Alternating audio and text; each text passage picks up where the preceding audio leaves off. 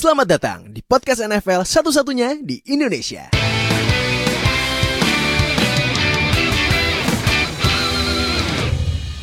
Bagi sama gue Fadil, host kalian di Zero Knowledge Podcast dan welcome to the year we have been waiting for a long time. Tapi ya kalau misalnya abis nunggu 6 bulan lagi ya NFL ya, aduh. Agustus. Iya Agustus. Tapi intinya kita akhirnya masuk ke playoff, woi Yes. gila ini, aduh gila sih ini. ini Let's ini- go, let's go. Ini menurut gua karena playoff pertama kali pakai sistem 7 tim masuk playoff jadi menurut gua nih wah gila sih kayak si playoffnya karena karena sebelum-sebelumnya yang yang, enam- yang sistem 6 tim playoff kan pasti per hari mainnya dua kali. Nah, ini mainnya tiga kali nih. Wah. Iya tuh. Jadi eh, jangan lupa playoff mulai wild card round hari Minggu sama Senin besok. Nanti gua bakal post schedule-nya tunggu masih tunggu dari pihak Maulanya apa yang bakal ditangin kayak sih ya pagi ya. pagi lah. Kalau lihat dari polanya ya di regular season kemarin tapi tungguin aja ntar. Ta- Siapa tahu ditayangin semua kan. Nah, kalau tayangin semua emang mantep kalau nggak nama mula. Nah, eh jadi eh, balik lagi sama gue Fadil host kalian yang masuk playoff alhamdulillah. Terus sebelah gue ada Fadil Hoyo yang masuk playoff akhirnya sejak 2002 gila. Berarti 18 itu, tahun. um, longest drought longest drought playoff ya in NFL history ya Browns ya. Berarti yang kedua ini ya Bucks nggak salah ya 2007. Ya, juga beres tapi. ah Bucks iya. udah beres. Oke. Berarti sekarang kayaknya longest drought Lions ya 2008 nih kalau nggak salah. ya. La enggak Lions 2016 terakhir. 2000 Ya, oh 2016 yang oh iya iya beda. Ribut-ribut di Lambo itu kan ya. Iya oh iya iya benar benar berarti Oh ya ntar ntar, gue cek lagi. Terus ada Nuha yang langsung pakai topi Rams karena masuk playoff Eh, tapi dia di seat eh, Rams itu ada Seat di enam. seat ke Seat ke-6. seat ke-6.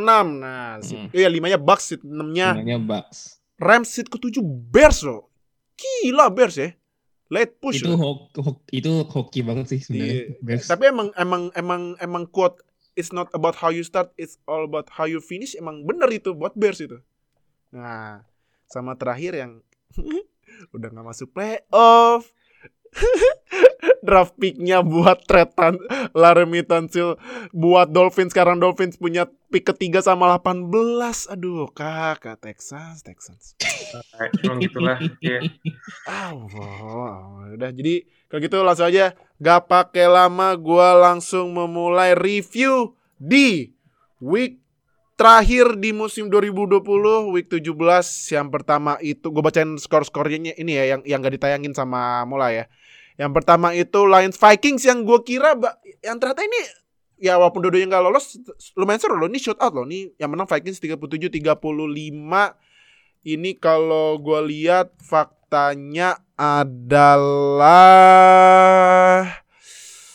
eh ini faktanya apa nih? Oh, ini masih ah eh, ini faktanya ini masih on process nih eh, website NFL ya, bentar ya.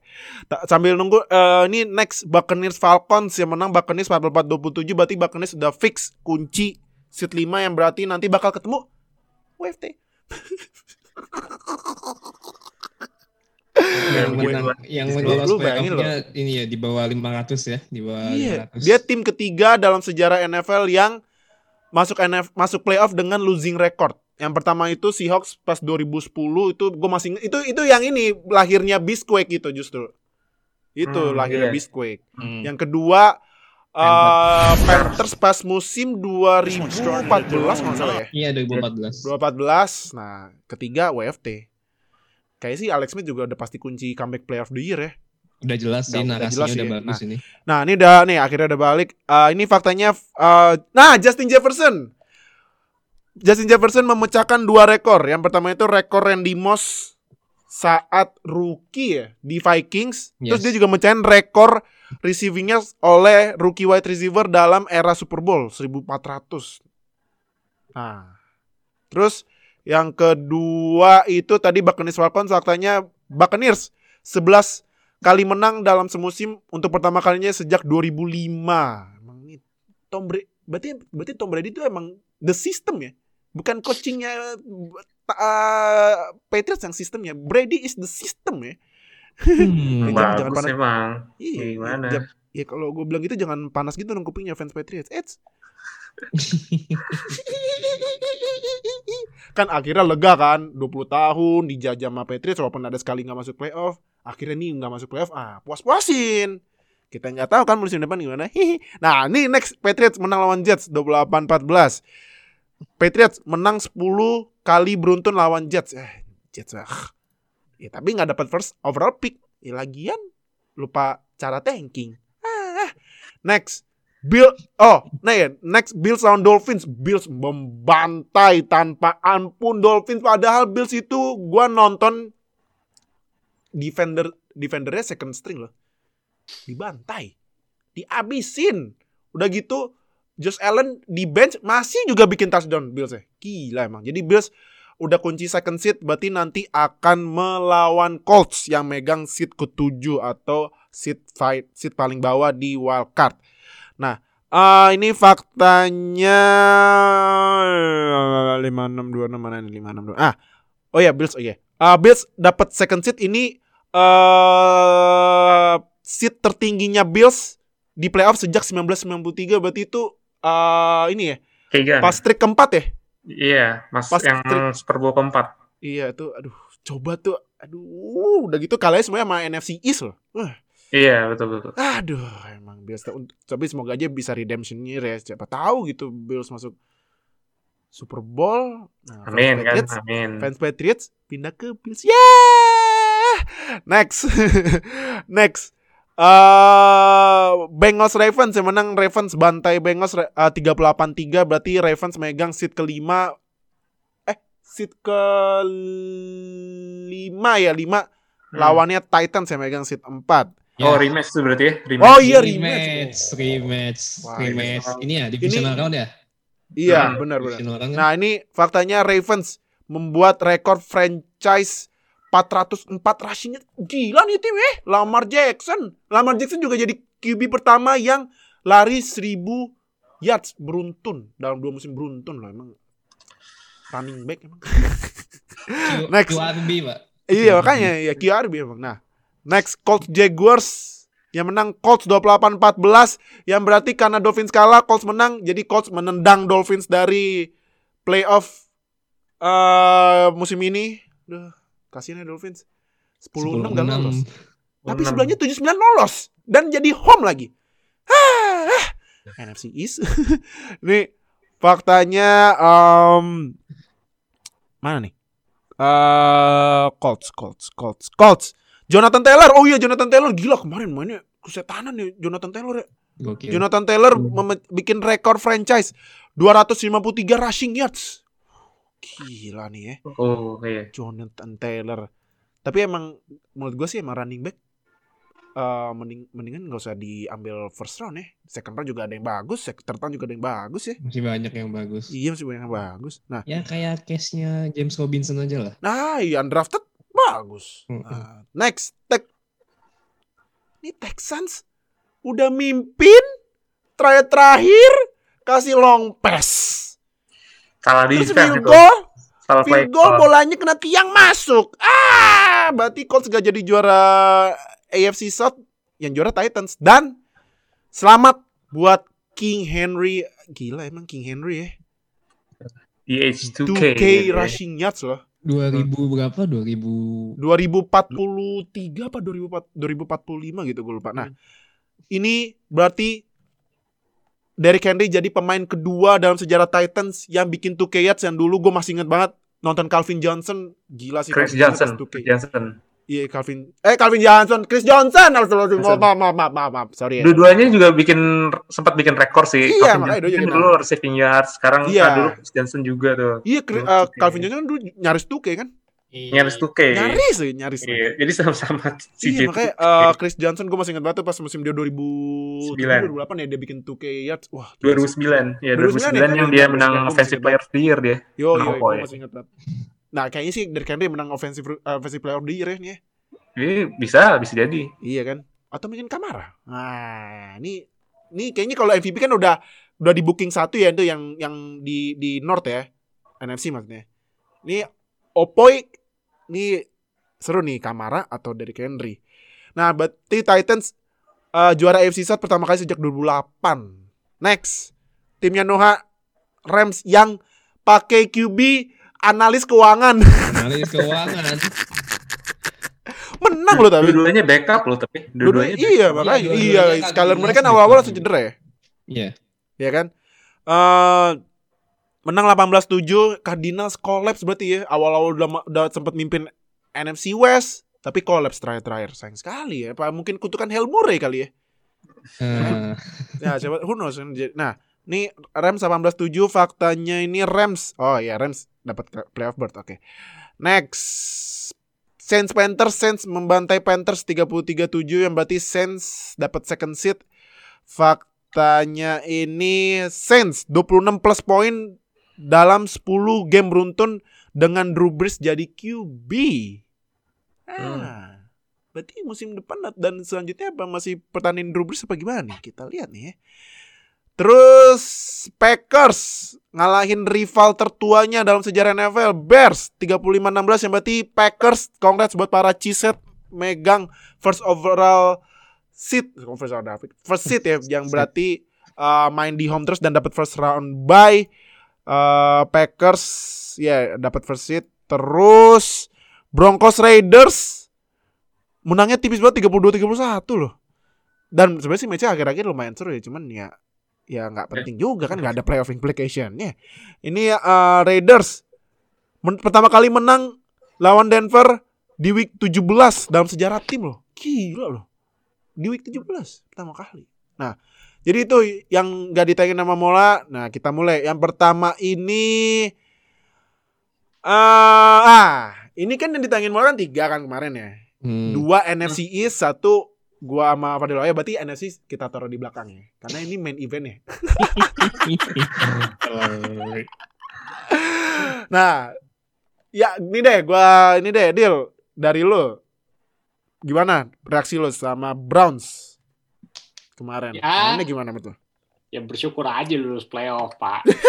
Sudah lama Akhirnya ya. kan tidak playoff. Jadi Iya, ya akhirnya. syukuri di di dirayakan. nah Sudah sih gitu aja sih kalau menurut gua uh, overall permainannya gimana permainannya mainnya masih gitu-gitu aja sih. Maksudnya uh, we're doing apa yang udah dilakukan selama satu tahun ini ya kayak ya main secukupnya lah istilahnya. Kalau bisa run game, run game. Kalau nggak bisa baru passing game-nya dipakai. Untuk explosive play juga generate-nya masih dari shot yang terbatas menurut gua. Possession-nya masih ada di Landry sama siapa? Tight end-nya 81. Uper. Uper. Ya. Udah gitu doang menurut gua. Masih terbatas banget. Terus defense-nya juga menurut gua Souls apa eh, defensive back-nya dikasih fade kalah mulu. Jadi gue sih nggak berharap banyak ya. Gua harap kayak musim ini bisa jadi apa namanya eh, fondasi yang bagus buat musim ke depan ke depannya. Gue sih lebih ngeliat sebagai gitu ya. Soalnya kalau gua ngeliat belum sama lah levelnya. Cleveland sama uh, kontender-kontender lain di AFC gitu. Terutama kalau mau uh, nantangin big boys gitu kayak Chiefs gitu kan kayak Bills gitu. Menurut gua levelnya jauh banget. Jadi ya bersyukur masuk playoff tapi ya udah gitu. Gue lihat masih level mainnya segitu-segitu aja gitu. Kita bisa menang lawan tim yang jelek gitu kan kecuali Jets tapi uh, apa namanya gue ngerasa sih tahun ini masuk masuk playoff lebih karena jadwalnya aja Uh, iya kan NFC AFC North kan lawan empat empatnya top top NFC top 10 uh, easiest kan? Ya kan Hmm. dapat dapat NFC East kan Iya. gitu Iya. terus eh, ya eh, sebenarnya enak juga sih tahun depan masih dapat eh, third place. Tahun depan iya iya iya jadwal third place kan. Soalnya kita di di NFC Di third, di eh, AFC North ya? North kita ketiga. Iya. itu sih itu uh, positifnya gitu. Kalau menurut gue sih banyak banget yang harus di rework ya dari defense kayaknya harus dihabisin kayaknya. Udah nggak bisa lagi main kayak gitu-gitu aja.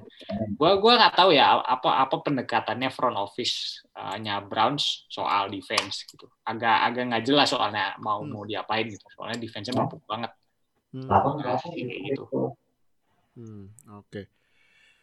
Kalau gua gua kemarin kan yang main Mason Rudolph. Nah, Hmm. udah udah damai, udah damai sama Mas Garrett udah damai kok. Nggak salah aman, udah nggak nggak ditabok lagi kok. Cuman gua melihat ini sama Mason Rudolph lumayan sering long passnya daripada Big Ben yang short pass terus di bat, di, ba- di, ditangkis bolanya kan. Dan ternyata long passnya juga lumayan bagus apalagi ada salah satunya long passnya touchdown ke Claypool nggak salah ya? Eh ada nggak sih? Iya, iya ada. Iya kan ada Ada. touchdown Ya, Claypool. Nah, ada touchdown ke Claypool. Jadi ya menurut gua kemarin keputusan buat istirahatin Big Ben, Marquis Pouncey, Cameron Hayward sama TJ Watt ya bagus ya karena mereka emang inti pemain pemain-pemain Steelers ya dan receivernya juga gue juga setuju nggak ada yang diistirahatin biar mereka siapin mental karena kan next week ketemu lagi kita. Iya, Tapi di betul. Heinz Field. Iya betul. Nah, Di match itu. lagi. tapi nanti ya kalau buat wildcard kita bahas nanti ya belakangannya. Ya intinya gue gue kalau misalnya ditanya bang. Bang. Bang kalau Mason Rudolph cocok gak buat ganti, ganti Big Ben enggak masih, masih belum. Masih belum. Enggak enggak Masih kekeh deh. enggak enggak enggak enggak enggak mungkin nanti kan Big Ben kan kontraknya habis tahun 2021 nah habis 2021 tuh udah deh. Siap-siap deh. Nggak tahu eh trading up trading atau misalnya 2021 bakal jadi tanking seasonnya Steelers gue nggak tahu deh. Ntar ya, ntar Ya, ambil aja. quarterback kan. Nggak. Iya. Habisnya kalau mau ngambil quarterback tahun ini juga ya. Cap space-nya dimakan banyak sama Big Ben apalagi cap space 2021 turun ya kan? Nah Oh iya. bingung. Itu makanya. Jadi eh ya Steelers kalau misalnya draft first round ya ambil buat gue sih ya ambil OL deh. Kedua baru running back kenapa OL harus harus harus nambah lagi sih gitu. Nah kita ini ya kita eh, nge-review buat game-game week 17 eh, yang quick ya karena ini emang kita kan bakal fokusnya udah masuk playoff nih playoff udah different beast apa pun bisa Yoi. terjadi udah ininya win or go home. Kalau playoff kalau regular season win tapi masih bisa improve. Nah ini playoff win or go home. Next kita masuk main event yang pertama dulu. Giants lawan Cowboys. How about them Cowboys? Tuh eh itu Divisi rating memang. aduh emang divisi ra- iya divisi rating emang nih Sian, yang kemarin atau tadi pagi mimin ketiga nge-repost videonya si Stephen A. Smith ngeceng-ceng ngeceng-cengin Cowboys dah lah, balik kanan aja deh eh.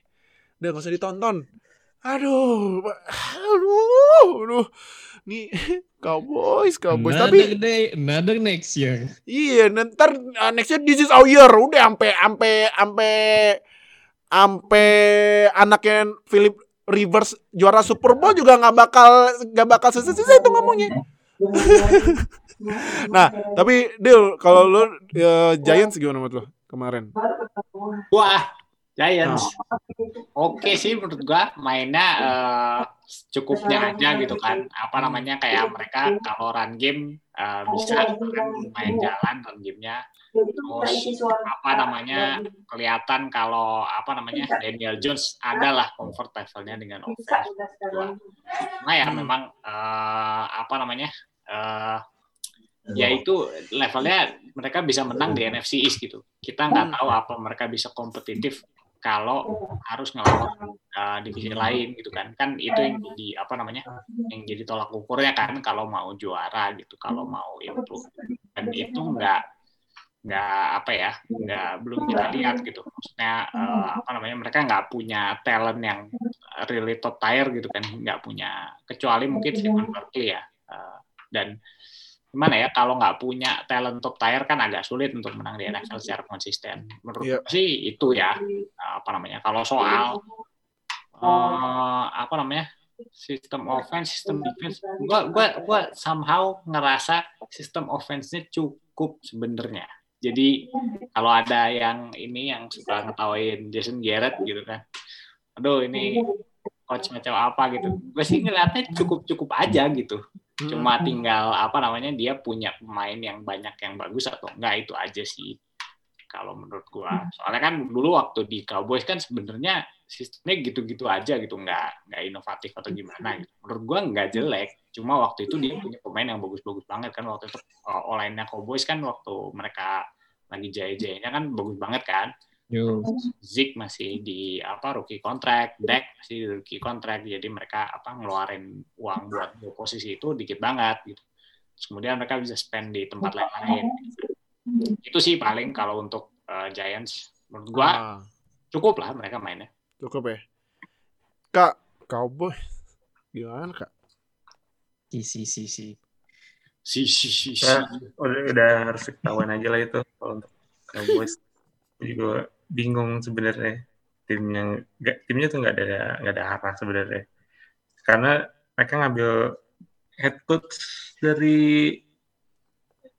Green Bay Packers juga dia kan terakhir terakhirnya juga akhirnya nggak begitu bagus ya pas terakhir itu 2018 dan juga hmm, mungkin juga beberapa halnya juga karena dia, mereka kayak kena sial lah katanya karena deck cedera terus habis itu juga defensive banyak yang keluar masuk uh, injury list juga.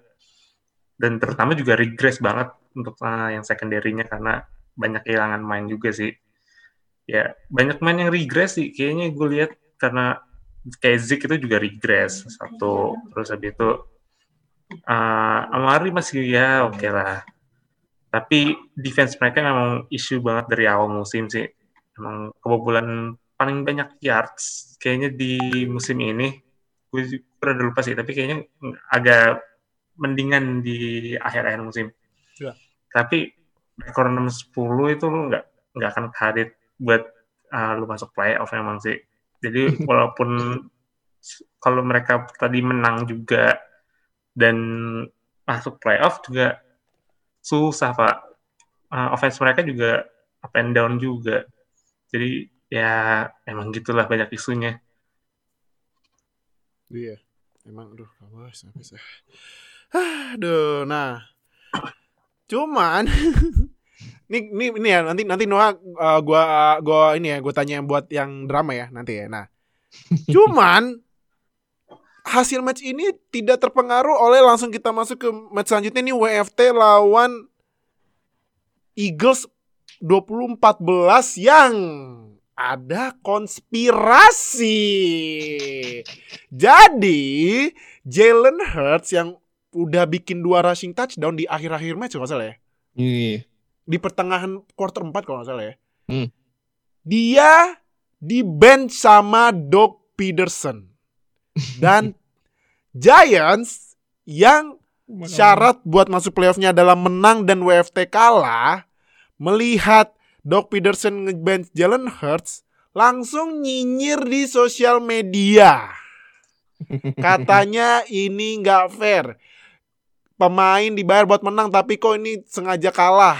Ini maunya apa? Bahkan legend Giants yang pastinya fans Patriots gak mau denger namanya karena pasti alergi kupingnya ya juga ikutan bersuara dan dia komen di twitternya itulah mengapa kita benci Eagles.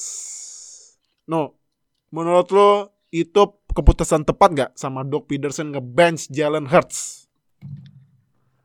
Eh, sebenarnya keputusan antara bagus atau enggak sih kalau bisa dilihat dari kacamata netral sih tentunya itu bukan keputusan yang bijak ya. Maksudnya Hmm. lu memang udah memang nggak bakal lolos playoff tapi di sisi lain lu tahu ada lawan lu nih ada rival lu tuh mau mencoba untuk lolos playoff.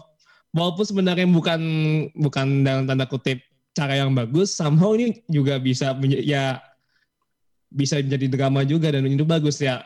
Kalau misalnya Giants ngomong kayak gitu ya kenapa lu nggak mencoba untuk menang? Maksudnya kalau misalnya lu udah tahu rekor lu juga jelek ya lu push to win lah. Jangan bergantung sama Eagles gitu. Lu kok masa menang harus bergantung sama Eagles? Ya menang dengan cara lu sendiri lah. Salah sendiri lu menang cuma enam kali. Gitu sih sebenarnya simpelnya kayak gitu sih. Nah, eh kak kalau lu gimana? Kalau lu setuju nggak? Sama gue dari kacamatanya Peterson dulu kali ya. Dia karena mereka kan juga pas sebelum pertandingan mulai itu kan rekornya 4-10-1 ya 41? ya Jadi ya 41 udah betul nggak lolos playoff mungkin mungkin ada uh, pikiran kalau misalkan uh, ya kalau draft pick ya udahlah itu uh, mereka juga bakal dapat top 10 pick mau mereka menang atau kalah juga sih Hmm. ada mungkinnya juga kalau mereka tuh mau istirahatin Jalen Hurts takutnya dia kena cedera yang dan kenapa-napa gitu mungkin di gamenya satu Iya, betul. kedua juga ya kayak mungkin udah pertandingan yang menurut mereka throw away gitu sih kayak udah nggak pengaruh buat mereka apa-apa Iya, betul. Udah dan ngelakuin jadi apa-apa. mereka nggak terlalu usaha keras juga sih tapi karena uh, keputusannya ditariknya Jalen Hurts itu kan karena uh, itu pas kayaknya mereka cuma selisih tiga poin ya tiga cuman beda berapa poin doang sih. Seharusnya mereka kalau kayak gitu kan secara uh, kacamata netral kayak tadi kata Nuha ya lu push for the win lah. Karena Hmm, lu udah udah deket banget poinnya udah bisa masih bisa menang kok. Karena uh, WFT juga mainnya juga nggak bagus juga. Alex Smith juga di shutdown juga sama defense-nya Eagles uh, pas pertandingan kemarin. Hmm. so ya ad- pasti ada uh, pasti ada pro kontra lah ada pro kontra. Mereka setuju sama keputusannya Peterson atau enggak? Ya tapi yang pasti kalau misalkan lo ngeliat dari kacamata sportivitas ya fair play ya eh, itu keputusan yang salah dari Peterson. Iya, iya. Karena wah ini panas sih. ini. Kayaknya sih musim depan wah kalau Giants Eagles ketemu kan pasti ketemu ya dua kali semusim ya satu divisi. Wah, nih Hmm.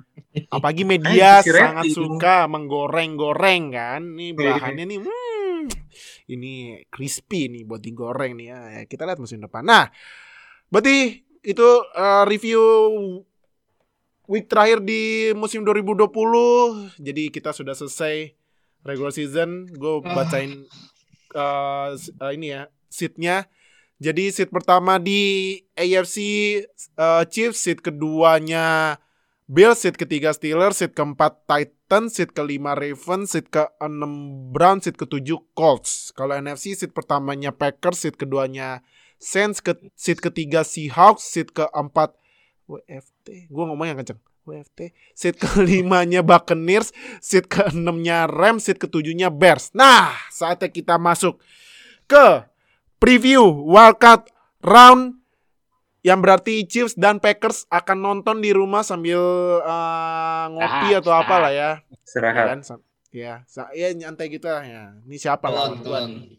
Siapa nih lawan gua selanjutnya? Nah, ikutan watch along juga kali ya ya mungkin gitu. Nah, eh yang pertama nih Bills lawan Colts. Deal, menurut lu gimana nih? Eh, prediksi lu gimana match ini? Karena kan Colts um, defense-nya yang masih mungkin masih campuran tua dan muda tapi ya kayaknya agak-agak kurang konsisten juga. Offense-nya yang ini Jonathan Taylor eh lagi hot-hotnya nih. Tapi menurut lu gimana nih? Buat Bills lawan Colts. menurut gue sih agak beda kelas ya. Menurut gue Oh. Colts juga pesakitan gitu. Mereka levelnya mungkin lebih deket ke kayak Browns gitu. Hmm. Jadi menurut gue nggak nggak selevel gitu antara Bills sama Colts. Karena menurut gue Bills ini terutama ya yang paling ngaruh di level apa di posisi quarterback ya. Josh Allen ini lagi panas banget bos. Uh. Dan Iya sih, senjatanya Uh, dan senjatanya menurut gua nggak jauh leader ya. Lagi bagus-bagusnya Leading senjata ini. receiving yards ya dia. Eh, iya. Leader, iya leader receiving yard. Iya, iya. Jadi Stefan jadi menurut menurut gua nggak ada inilah, nggak ada. Gua nggak tahu ya apa namanya. Menurut gua jauh antara em, jauh antara Bills sama Colts. gitu. Jadi mungkin Colts butuh sesuatu yang spesial buat penampilan yang spesial banget buat bisa ngalahin Bills menurut gua. Karena di atas kertas, at least dalam pandangan gua ya, lumayan jauh gapnya antara Bills sama Colts gitu sih. Hmm, oke. Kak, kalau menurut lu Bills dari Billsnya gimana? Kalau dari Bills-nya sih emang ya tadi udah dibilang sama Fadil juga kan karena mereka lagi on the hot streak banget dan mereka itu juga eh, second best offense dari poin ya jadi mereka 31,3 poin per game dan um, ya quarterbacknya mereka kalau dibandingin match, up to match up ya quarterback mereka jelas menang ya Allen lawan Rivers terus uh, running back mereka ya uh, mungkin agak imbang lah antara uh, Singletary sama Moss sama lawan, lawan Jonathan Taylor. Mhm. Tapi wide receiver jelas Bills di atas banget dari Colts karena mereka punya Diggs, punya Beasley. Kemarin juga John Brown juga uh, show up banget di lawan Dolphins. Dan ini kan uh, juga apa ya sejak bye week juga sih mereka selalu uh, poinnya di atas 25 ya. Dan terutama lawan Dolphins yang kemarin tuh kan Dolphins sempat defense second best defense yang Iya. scoring ya. Hmm. Itu aja dibobol sampai 56 poin. Yang which is mungkin lu lupa nyebutin kalau itu skorigami bukan? Ya iya skorigami. Eh iya benar-benar Iya, ini seri- skorigami ke 1000 1065 nggak usah. Gua gua selalu nge-like kalau misalnya skorigami. Pasti deh. Iya. Nah, Dan defense mereka juga uh, udah balik lagi ke ya ke kayak musim lalu lah, kayak musim lalu yang yang banyak uh, bikin turnover, terus lebih itu juga mereka nggak ngasih uh, passing yard yang banyak buat lawan. So ya uh, gue expect yang match up-nya bakal sedikit uh, ketat kali ya mungkin gue gue bakal berani bilang kalau ini match up-nya bakal ketat mungkin Nah, tapi gue tetap prediksi kalau misalkan gue harus pilih siapa, gue akan pilih Bills. Bills ya. Oke. Iya. No kalau lo eh prediksi siapa? Apakah Bills dengan ah apakah bukan ah, ini ya, sorry. Apakah Bills akan menangnya mudah atau Colts upset alert apa megang si 7 apa gimana menurut? Gua rasa sih, gua rasa Bills yang bakal menang. Cuman gua nggak tahu kenapa gua bakal bilang kalau skornya tuh nggak bakal jauh, nggak bakal kayak draw out atau match di warn banget sih kalau kata gua sih nggak karena Colts sendiri itu juga sebenarnya kalau secara defense emang emang kalau untuk pressure rate-nya untuk terutama pas kasar ya pas kasar mereka tuh ternyata nggak bagus-bagus amat loh untuk pressure rate-nya. Walaupun udah ada Forest Buckner dan juga Justin Houston yang kemarin juga cukup hot itu tuh mereka pressure-nya cuma di peringkat 21 which is itu masih cukup masih nggak terlalu bagus lah. Emang sih walaupun Bills tuh lawannya dengan offensive lineman-nya juga sebenarnya nggak tergolong bagus juga maksudnya ya standar aja lah. Tapi ya gue nggak terlalu yakin itu bisa ngasih pressure yang cukup. Apalagi juga Josh Allen kan mobility-nya juga luar biasa bagus lah mobility mobility dia itu. Jadi ya kalau misalnya pas kasarnya Colts itu nyerang Josh Allen masih bisa lari gitu. Jadi ability Josh Allen tuh bisa apa bisa bisa ini lah bisa ngeganggu pas si pas kasarnya si Colts. Jadi ya tapi ya ya, tapi nggak gitu juga secondary mereka juga sebenarnya yang ini yang bisa dibilang Colts itu secondary-nya nggak bisa dibilang bagus cuman cukup solid. Jadi gua rasa takut kan Josh Allen juga masih ada sedikit kekurangannya kalau misalnya dia yang lempar kayak di ball itu kan juga Josh Allen tuh kayak masih ada sedikit kekurangan di situ. Jadi ya gua rasa secondary-nya Colts tuh bakal bisa mengatasi hal-hal hal-hal itu kayak di ball si Josh Allen. Tapi ya balik lagi menangnya sih nggak bakal jauh. Ah, oke berarti eh Oka Bills Nuha Bills di, eh, Dil lu siapa milih? Bills juga. Bills ya. Oke, berarti eh, eh, prediksi Bills yang mungkin akan menang di match pertama.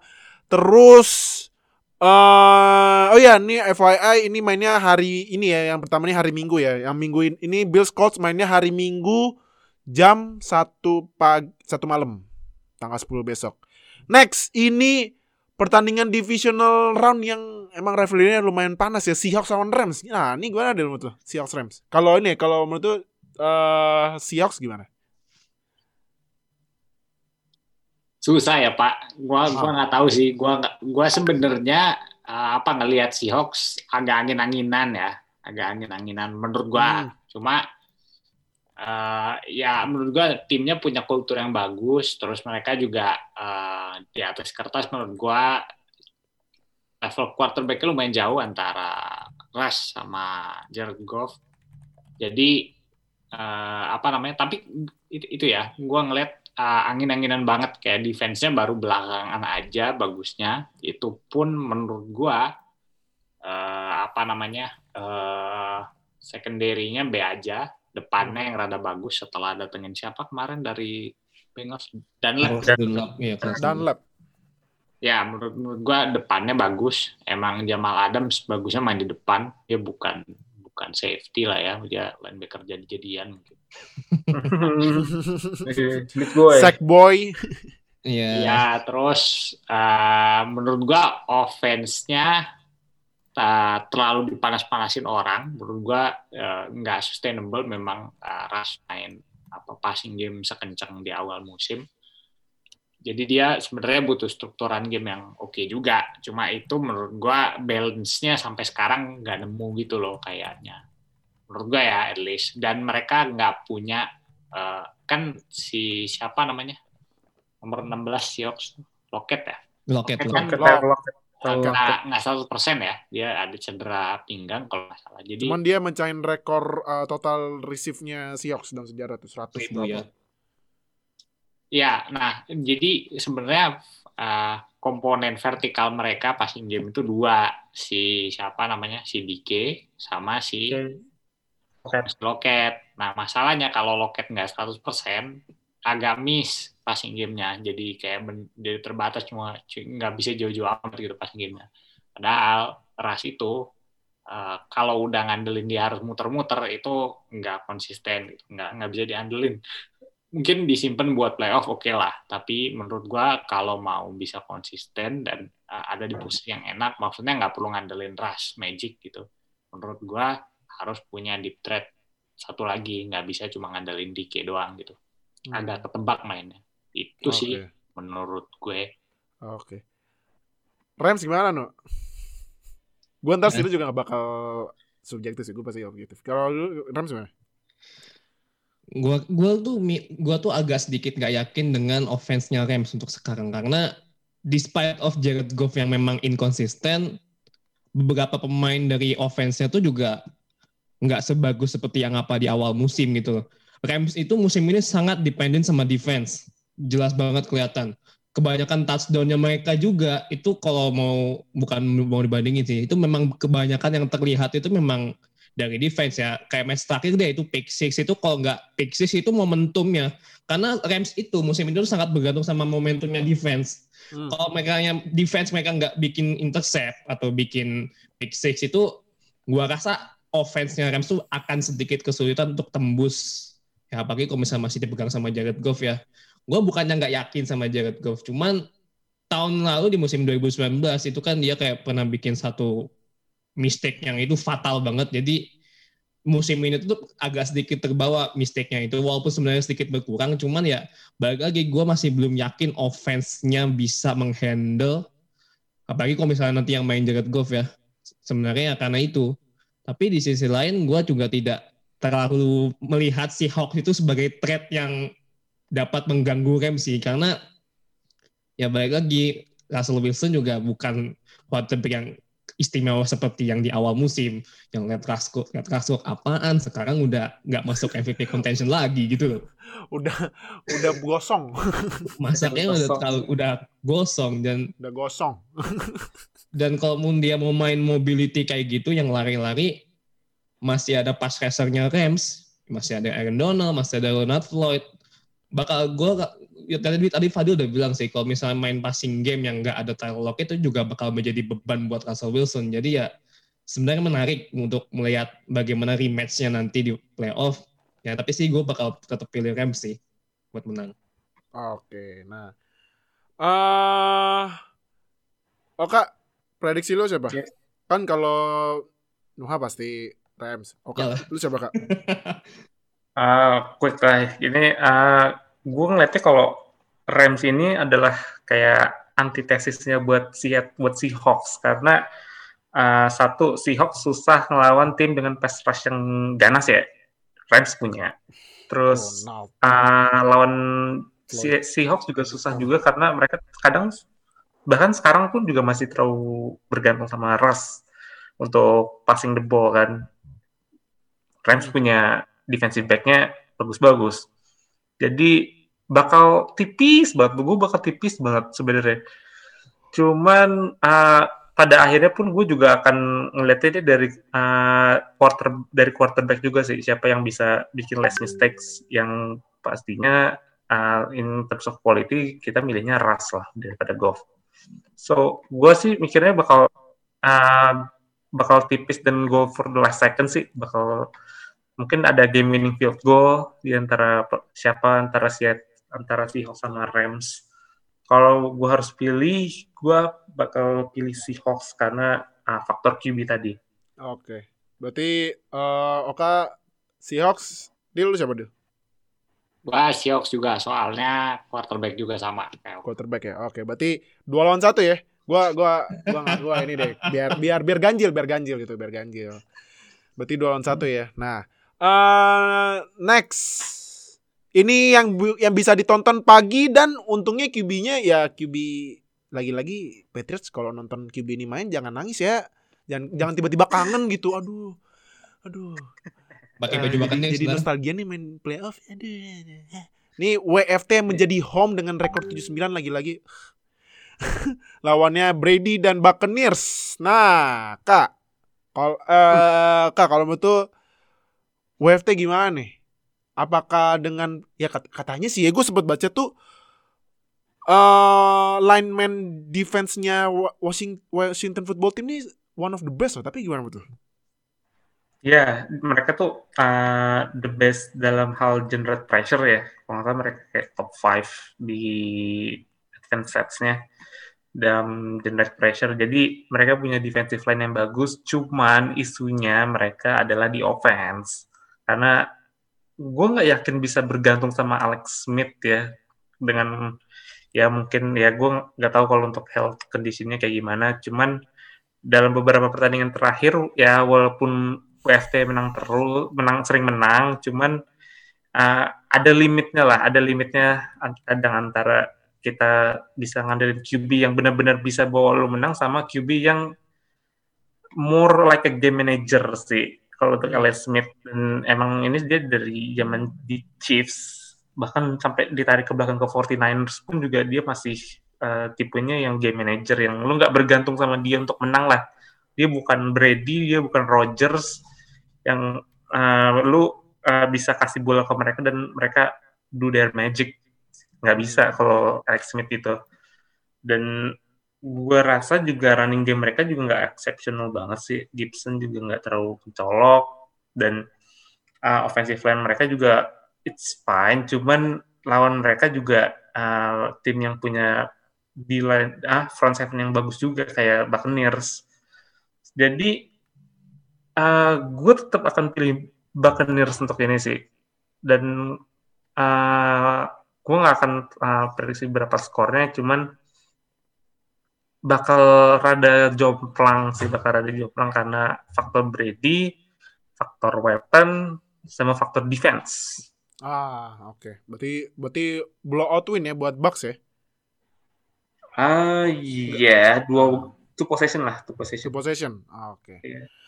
Uh, deal, menurut lo kalau Buccaneers gimana?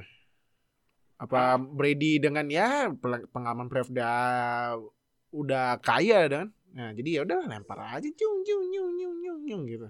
Um, tapi ah, tapi sorry, gue baru inget. Kemarin gue nonton pas bahkan di situ Mike Evans sampai cedera, katanya ya, hyper extended. Cedera Ini katanya. Ya? Cuma hmm. uh, kayaknya Cuman katanya bisa parah. Iya. Oh, nggak parah ya? Nah, nah soalnya kayaknya. si Mike Evansnya juga masih nge-tweet segala macem, terus apa namanya? Uh, iya, kalau nggak salah ada info keluar lagi katanya negatif, nggak ada nggak oh, ada damage. Ya. Nah, betul. Nah, lihatnya sih dari Buccaneers cukup ya, maksudnya mereka uh, relatively healthy, gitu nggak ada yang cedera parah, semuanya bisa main. Uh, hmm, uh, both side juga gua rasa trendsnya oke, okay. Apa namanya di O-line sama di D-line. Ya gua rasa gua setuju dengan asesmennya Oka. Uh, beda level aja dari semua ya menurut gua uh, yang menang mungkin paling uh, uh, football team cuma di di lainnya aja dan gua ngerasa itu kenigit sama kualitas online-nya Bucks yang bisa dibilang salah satu yang paling baik di football uh, keseluruhan musim ini gitu. Hmm. Nah, mereka punya uh, rookie Wirfs yang mainnya bagus banget gitu. Cuma kayaknya sih match up wise Chase Young bakal di match up sama Donovan Smith yang di sisi satunya lagi yang di kiri. Itu hmm, udah nggak ada isu sih, soalnya kan isu waktu di awal musim adalah Brady kayak sering banget miscom sama receivernya gitu. Kalau lihat beberapa pertandingan terakhir kayak uh, back shoulder lempar-lemparan gitu udah udah udah nggak ada gitu. Receivernya muter bolanya nyampe langsung catch. Jadi menurut gue mungkin memang di awal musim sempat ada masalah uh, komunikasi aja dan sistemnya kan beda jauh ya antara uh, Arians sama dulu di Patriots gitu kan. Dulu di Patriots sering banget mereka ngelempar ke tengah, ngelempar ke tengah, apa short game. Sekarang udah kerjaan receivernya lari aja terus deep gitu. Jadi beda level bener kata Oka. Uh, gue juga pegang Bucks. Gue nggak tahu sih uh, skornya berapa. Cuma yang satu aja sih yang gue perlu note. Gue rasa football team itu uh, ini ya well coach ya. Artinya Ron Rivera itu ngerti gitu apa namanya tim itu harus kayak gimana dan satu lagi yang perlu di note uh, si tim yang apa namanya tim yang losing record playoff dengan losing record itu punya playoff win menang loh pernah menang selalu menang kaki juga dari yang sama lagi. Iya kan? Dulu Panthers waktu sama Rivera mereka menang first apa yeah. roundnya terus oh iya iya iya benar. itu gue juga menang waktu itu kan menang upset yeah. lawan Saints. Jadi hmm. itu itu aja sih yang perlu di note cuma gue rasa sih kalau di atas kertas ya beda level. Harusnya sih Bucks yang menang. Bucks ya. No siapa no kalau gue sih ya kalau mau dibandingin secara kertas ya udah terlihat jelas lah siapa sih yang bakal menang ya bahkan next cuman gue mau sedikit meng-highlight ini deh defense-nya WFT sebenarnya ya emang defense mereka tuh nggak jelek-jelek amat tuh. Pas kasar mereka ya udah jelas lah Chase Young, Jonathan Allen, Montez Sweat itu among among among the best dari semua pas semua pas kasar yang ada ya mereka tuh one of the salah satu yang terbaik lah gitu. Dan secondary mereka juga sebenarnya nggak jelek-jelek amat. But, yes, legit lah. Beberapa kali juga kan kalau misalnya nonton matchnya WFT tuh ada beberapa catch-catchnya intercept atau kayak intercept tackle dari secondary juga mereka tuh juga ya solid mereka mainnya tapi ya lawan lu sih Tom Brady ya tapi walaupun lawan lu Tom Brady sebenarnya Tom Brady juga beberapa match apalagi kalau misal waktu itu waktu yang gue masih ingat waktu lawan Rams itu isunya Tom Brady itu dia ngelemparin deep ball tapi dia nggak ngeliat kalau misalnya di, di sebelah kirinya di blind side-nya dia itu ada ada defensive back yang udah siap untuk ngambil bolanya dia. Nah hmm. itu bisa jadi bisa jadi ada sebuah chance untuk defensive backnya WFT untuk apa untuk mencoba study inilah game study apa study filmnya pemainan Brady. Brady musim ini memang nggak terlalu banyak ngambil deep ball dan beberapa deep ball itu juga menghasilkan error bahkan turnover. Jadi gua rasa sih bakal menarik matchnya terlepas yang menang mungkin bisa jadi nggak mungkin sih memang terlihat jelas kalau in paper sih bahkan ya. Cuman gue sih menarik karena ya tadi udah disebut sama Fadil ada sebuah fakta menarik kalau misalnya win, tim yang losing recordnya lost playoff tuh bisa menang.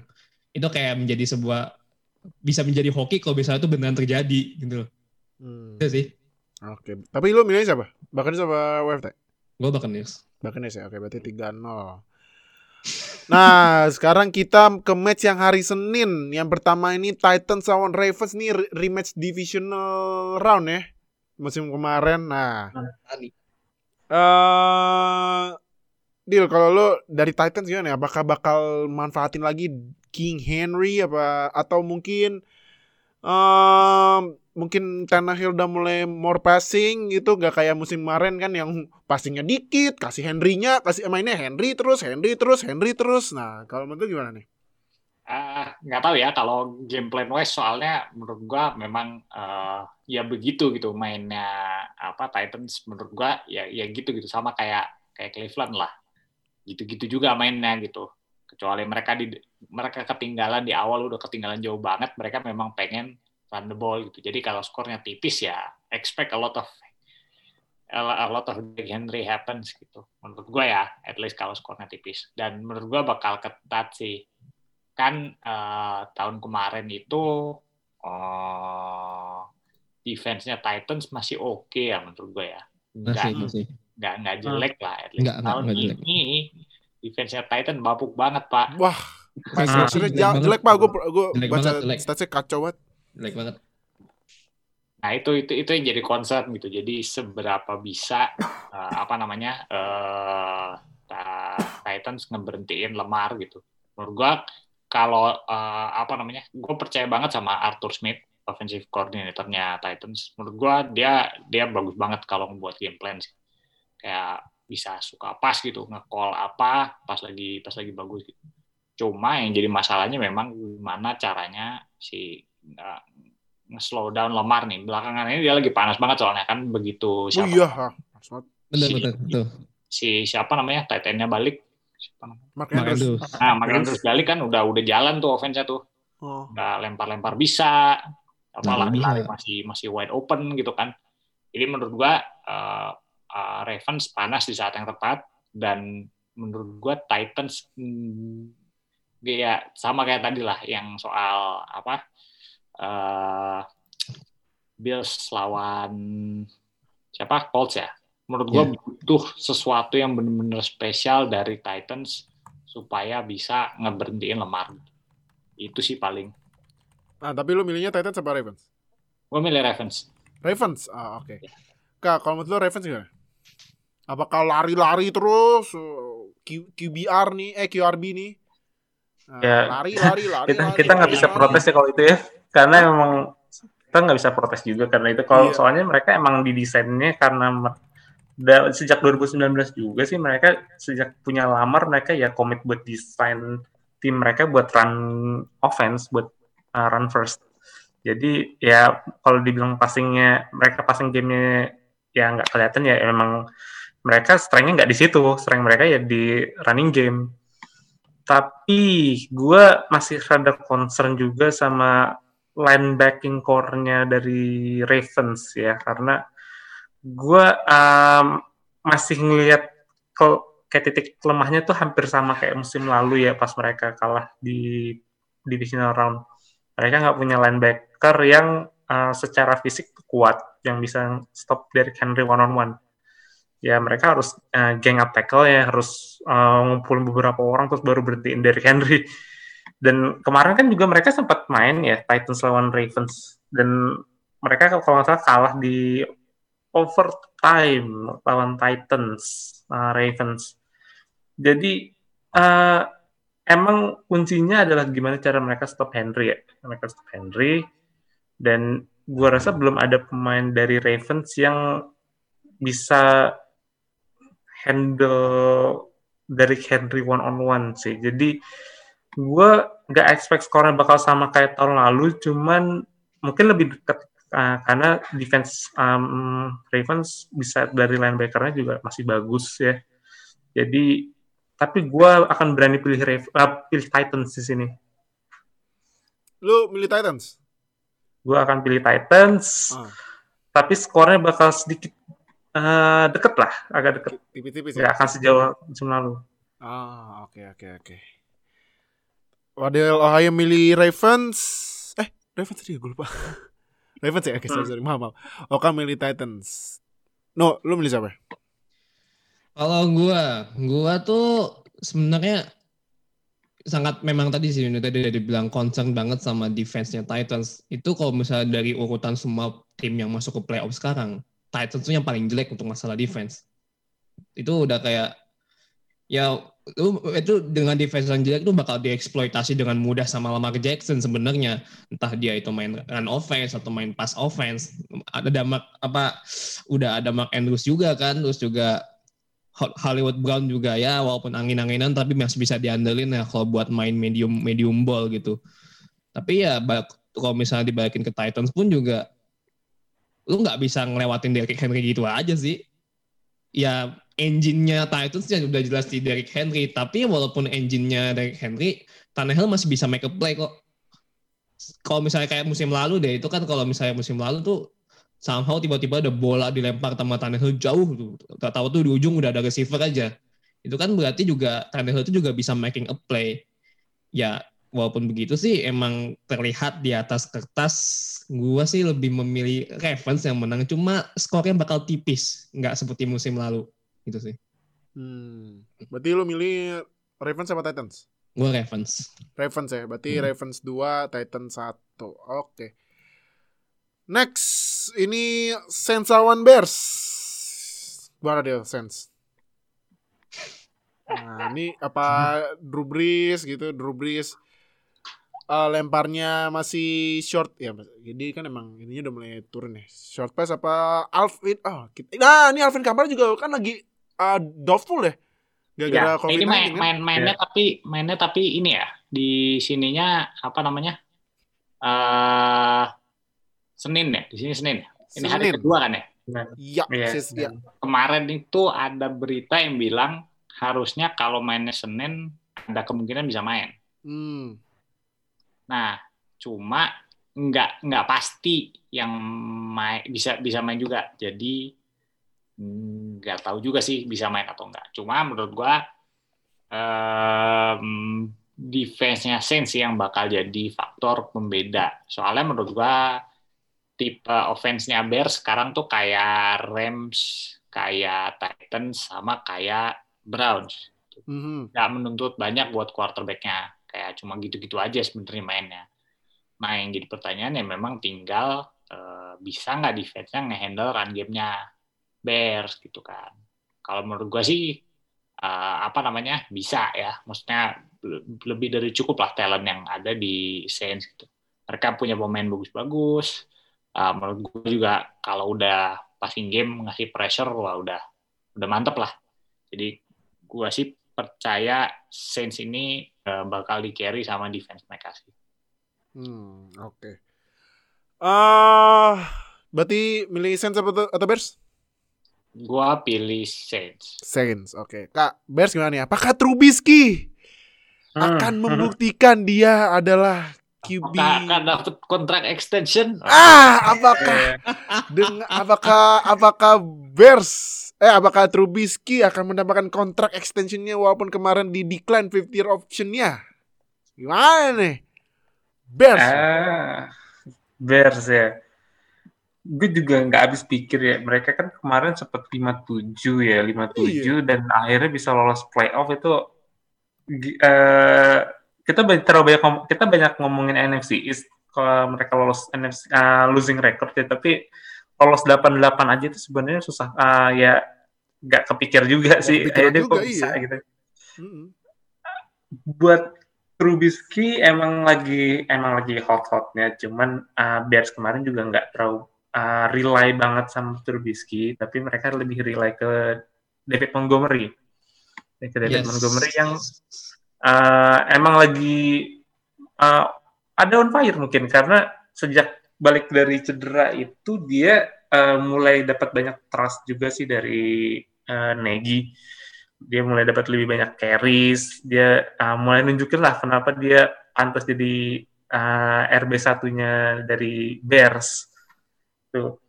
On buat defense juga mereka kan uh, um, kayaknya masih lengkap sih. Kayaknya mereka nggak ada cedera yang serius-serius banget dari defense mereka.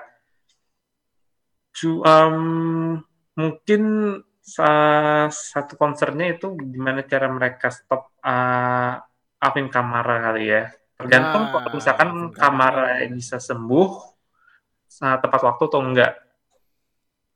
Tapi uh, gue nggak ya, gue nggak begitu yakin offense-nya Bears ini bisa jalan ngelawan tim kayak Saints ya. Karena uh, gue juga baru lihat rekornya mereka, mereka itu uh, kalahnya tuh banyak kan sama tim-tim yang yang playoff, tim-tim playoff mereka kalah uh, sama Packers uh, dua kali di sweep, kalah sama Saints juga, Mhm. uh, kalah Rams, Colts, Titans, sempat kalah sama Vikings sama lain, tapi ya mereka ya kadang bisa kalah bisa menang lah. Uh, mungkin juga tergantung sama apakah Trubisky bisa bawa momentumnya dari regular season ke playoff. Karena terkadang playoff bisa mainnya adalah lu momentum ada di lu atau enggak. Jadi uh, ini bakal lebih ke defensive battle sih. Jadi uh, siapa yang bisa manfaatin kesalahan dari offense dan defense bikin turnover itu yang bisa menang Oke. Berarti eh Saints atau Bears? Uh, bakal come down to QB sih, jadi Saints. Saints ya. Faktor Breeze. Saints. No, siapa nomor tuh? Saints atau Bears? Betul. Ya kalau mau saya mau dibandingin dengan model-modelan, maksudnya banding-bandingan quarterback ya udah jelas siapa yang bakal gue pilih gitu loh. Gue bakal pilih Saints dengan Drew Brees-nya. Kondisi Bears itu quarterback-nya hancur lah. Maksudnya lu udah decline kontraknya, decline kontraknya Trubisky, terus juga lu pasang Nick Foles ternyata juga caur gitu. Balikin lagi Trubisky-nya. Jadi ya gue nggak nggak bakal bisa berharap banyak dengan offense-nya Bears sih. Tapi kalau memang defense itu memang ceritanya lain. Defense-nya Bears itu masih bisa diandelin. Masih ada Khalil Mack walaupun dia musim ini nggak bikin double digit ya, nggak bikin double digit sacks. Tapi presence-nya dia di depan aja tuh udah bikin quarterback tuh ngeri gitu ngeliat dia. Pressure-nya dia pressure-nya dia tuh juga masih bisa masih bisa dibilang gede gitu. Ya masih selevel lah sama Aaron Donald. Jadi ya itu tadi benar sih dibilang itu gimana battle battle of defense aja sebenarnya. Ah, berarti Saints atau Bears? Gua Saints. Saints ya, berarti tiga Iya. Saints. Terakhir, nah kita ini lagi dong dia. ah, ini terakhir tiga ini. eh Steelers on Browns main Senin pagi. Dulu dulu deh, gimana Browns? Oh, dulu boleh boleh gue nggak berharap banyak maksudnya gue tahu kayak defense-nya lagi belepotan Oh, Oke. Terus nggak tahu juga sama kayak Kamara tadi. Nggak tahu eh, siapa namanya. Eh siapa nomor 21 Ward. Denzel Ward bisa main atau enggak Anjir Ward ya. ngaruh Iya. banget soalnya menurut gua. Ngaruh soalnya bisa nge-match satu antara Claypool atau Deontay Johnson. Gua nggak terlalu khawatir soal Juju lah. Itu menurut gua dalam urutan perlu dikhawatirkan itu menurut gua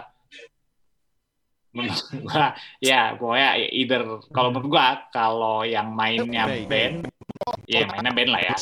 Yang perlu dikhawatirkan satu Deontay dulu terus baru Claypool terus baru terakhir Juju. Atau mungkin Juju di bawahnya running back atau TE lah. Ya itu sih. Kalau menurut gua kalau nggak bisa nge-match Deontay eh, bakal bakal Hmm. lah. Matchnya bakal cepet banget. Oke. brutal ininya apa namanya eh, nggak ke kontrol Iya. Kalau dari offense kemarin tuh nggak tahu kenapa sering banget false start sama nggak sering banget false start nggak tahu kenapa. Eh, awal-awal musim tuh hard count tuh enak biasanya si Mayfield tuh. Cuma nggak tahu kemarin udah dua dua tiga pertandingan terakhir nih pas kena banyak apa banyak nggak ada latihan kena apa kena protokol jadi jadi jelek hard count-nya jadi sering kena false start. Sama kemarin ada beberapa cedera sih Eh, apa namanya emang online-nya nggak nggak latihan bareng kayaknya. Jadi itu bisa ngaruh juga. Menurut gua itu sih. Kalau menurut gua bisa atau enggak main lawan Pittsburgh bisa kayaknya. Tapi tergantung Pittsburghnya juga. Eh Dil si secondary-nya komplit nggak? Atau ada yang cedera? Um, Hayden- Hayden main nggak? Eden Nelson main gitu. Hayden Nelson kemarin main sih. Hayden Gilbert, Nelson cuman Fitzpatrick. tapi kemarin kalau gue nonton ada cedera satu sih. Cuman ya dia ini sih second string gitu lah. nggak ya, yang ngaruh yang ngaruh cornerback-nya menurut gua soalnya Oh. passing game-nya Brown harus jalan kalau mau ada kesempatan menang Mhm. Jadi ngaruh banget kan eh, Steelers kan mainnya single high kan dan single Iya. high jatuhnya biasanya ujung-ujungnya jadi man gitu. Nah, berarti siapa yang nge-match eh, Landry jadi penting gitu. Itu aja sih paling menurut gua ya. Sama siapa yang nge-match ini 82 Higgins. Itu jadi penting. Oke. Kalau secondary-nya kalau secondary-nya Steelers lagi full power, menurut gua hampir nggak ada chance sih. agak beda aja levelnya. Oke. Kalau gua dari offense eh ya seperti lu lihat semua kan memang rushing run run run offense-nya aduh gua gua gua gua nggak bisa komen sih. Gua gua bingung apa yang mau dikomentarin habis sih. Nih ya, kalau lu lihat dari eh ini ya, stats tim ya. eh jarak uh, average rushing yards Steelers sama peringkat 31 tuh jauh. Iya, betul. betul. Nah, jauh. Gue aja belum Jadi pernah lihat. kalau misalnya asing nih ya, misalnya nih, ini kebiasaan Big Ben ya. Kalau misalnya lihat, aduh, running nggak nggak- running udah jelek, jelek sekali aja langsung passing, passing, passing, passing. Nah, ujung-ujungnya antara bolanya ditabok sama defensive line, Atau drop. intercept. Drop, drop. Nah, tuh. Atau Ya, intercept. iya, intercept. Pasti gitu. Nah, cuman tadi gue setuju tadi tadi bilang sama Fadil ayo. Juju itu bukan prioritas utama, prioritas utamanya Dionte, bener Dionte. Karena Dionte itu menurut gua sekarang jadi WR satunya Big Ben. Walaupun dengan isu drop pass-nya yang kemarin, cuman untungnya dia udah bener ya. Hmm. Kalau gue Dionte itu dia buat nyari wide open bak lebih jadi gini nih, bentar ya. Dionte itu bagus buat nyari wide open. Claypool itu bagus buat deep buat ngedraw defensive pass interference. Juju Ya. itu bagus buat short pass buat naik buat banyakin uh, yards after yards after catch. Oh bagus di situ ya, jujur. Iya, Juju itu Oke. bagusnya buat yards after, yards after catch. Oh, Kalau James Washington buat ya ini dia.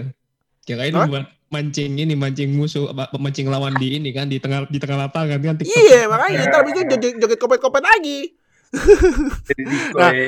Nah, eh kalau James Washington kan ya dia mungkin buat eh ini ya option lain kalau misalnya udah udah kejaga. Cuma jadi ya eh kalau passing ya gue kalau gue sih passing tergantung Big Ben-nya sih kalau Big Ben-nya lagi zong ya udah zong. Kalau rushing gue udah ngapa nggak bisa OLS Steelers juga masih ada beberapa yang cedera kan. Nah, jadi ya kalau rushing yang nggak jalan ya mau gimana lagi gitu.